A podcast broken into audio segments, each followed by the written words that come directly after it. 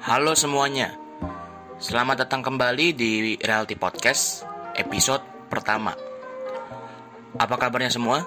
Semoga kalian baik-baik aja dan juga di masa-masa sulit ini sangat tidak dianjurkan untuk beraktivitas di luar rumah. Ya, tapi jika memang mengharuskan kalian untuk beraktivitas di luar rumah, jangan lupa dipakai maskernya dan juga bawa hand sanitizer untuk mengurangi menularnya COVID-19 ini. Di podcast kali ini, gue akan membawakan topik yaitu paradox.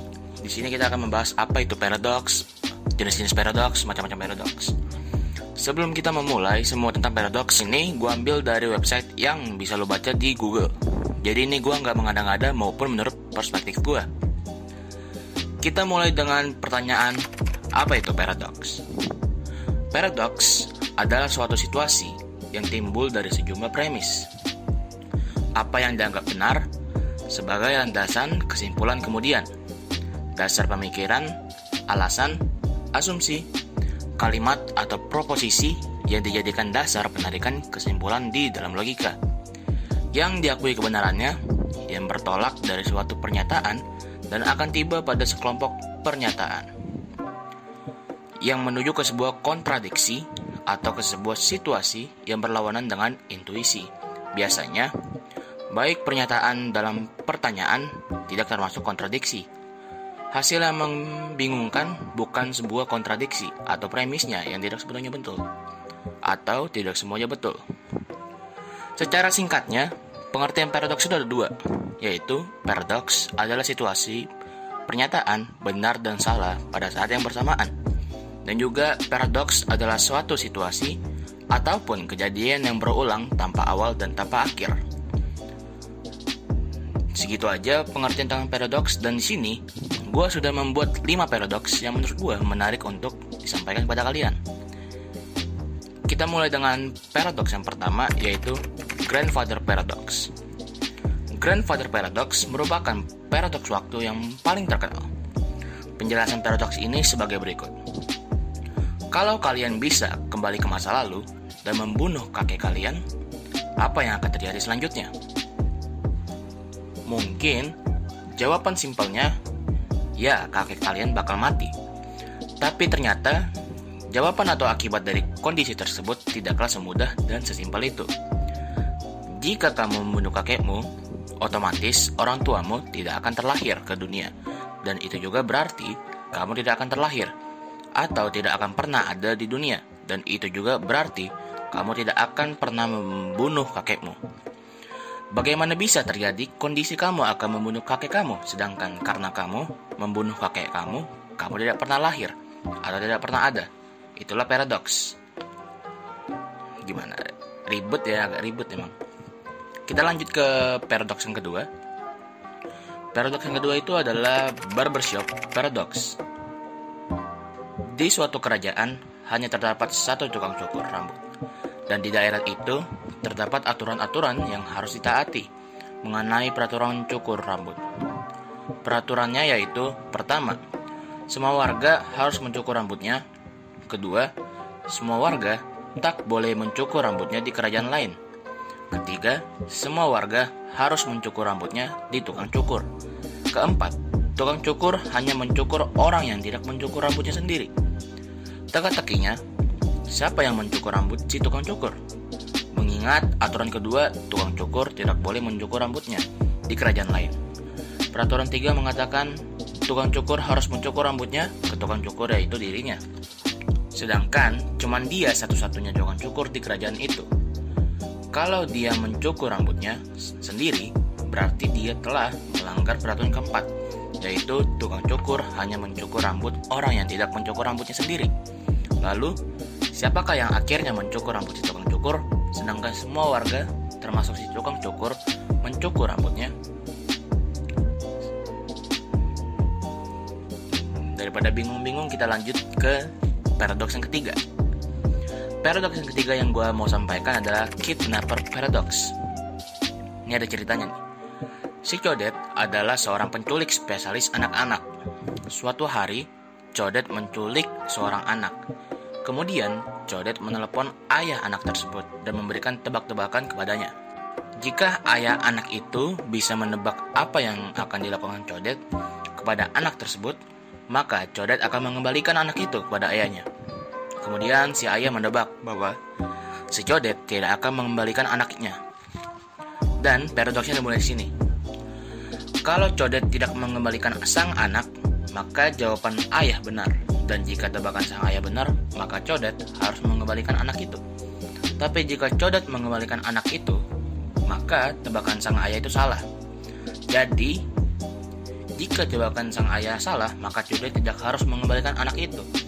Tapi jika si Codet mengembalikan anak itu, maka tebakan sang ayah benar. Jika tebakan sang ayah benar, maka Codet harus mengembalikan anak itu dan begitu seterusnya sampai si Codet bingung apa yang harus dilakukan dan menyesal memberi tebak-tebakannya. Kita lanjut ke paradoks yang keempat. Paradoks yang keempat adalah Achilles dan Tortoise atau Achilles dan kura-kura. Achilles adalah kesatria perang Troya. Di dalam mitologi Yunani digambarkan sebagai manusia tercepat. Suatu ketika ditantang berlomba lari dengan kura-kura. Namun, kura-kura ini sangat unik dia adalah makhluk filsafat. Jadi, tidak akan ditemukan di dunia nyata. Kura-kura selalu berjalan dengan kecepatan setengah dari kecepatan Achilles. Peraturan lomba 1. Jarak finish dari perlombaan ini adalah 100 meter. Kedua, titik awal atau start kura-kura berada pada posisi 50 meter, sementara Achilles berada di 0 meter. Ketiga, kecepatan kura-kura setengah dari Achilles. Game dimulai. Kura-kura berjalan begitu juga Achilles. Saat Achilles mencapai 50 meter, kura-kura mencapai posisi 75 meter. Saat Achilles mencapai 75 meter, kura-kura mencapai posisi 87,5 meter. Pada saat Achilles mencapai posisi 87,5 meter, kura-kura mencapai posisi 93,75 meter.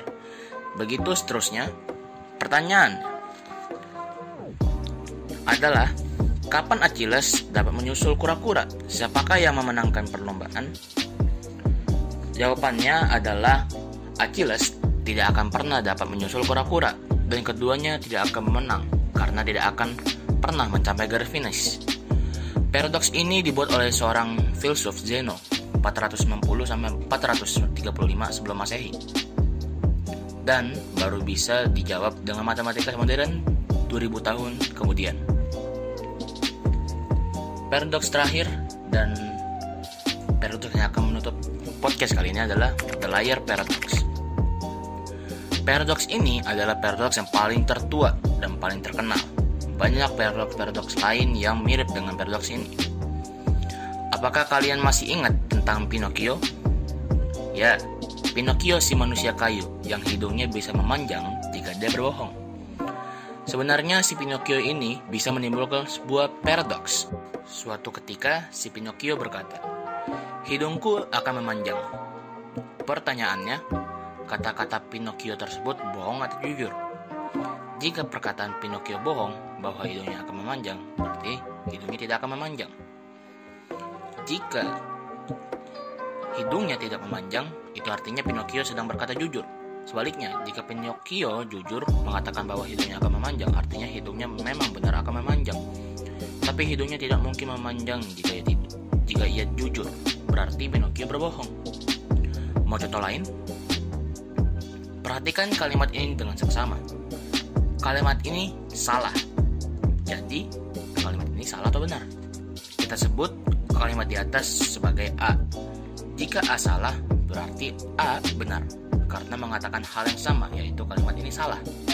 Sebaliknya, jika A benar, berarti kalimat ini salah yang bernilai benar. Dengan kata lain, A salah. Jika kita mengubah bentuk kalimat A menjadi kalimat tidak benar, atau kita sebut itu B, berarti A sama dengan B, dan itu tidak ada yang berbeda. Jika kalimat B tidak benar, maka kalimat B itu benar. Karena mengatakan kata yang sesuai yaitu kalimat ini tidak benar.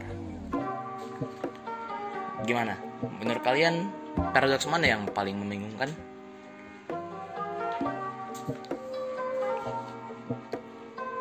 Nah, itu dia 5 paradoks yang menurut gue kelima paradoks itu sangat menarik untuk gue bawakan ke podcast ini. Dan juga terima kasih buat yang sudah dengar podcast ini. Bagi yang belum tahu, podcast ini bisa lo dengar di platform Spotify, Breaker, Pocket Cast, Radio Public, Anchor.fm, dan juga YouTube. Tapi biasanya yang duluan itu YouTube dan juga Spotify. Dan juga Anchor FM. Breaker, Pocket Cast, Radio Public itu biasanya belakangan. Kalau di YouTube, lu bisa search channel gue yaitu John Alan 78. Kalau di Spotify dan lain-lain lu bisa search podcast gue yaitu Reality Podcast.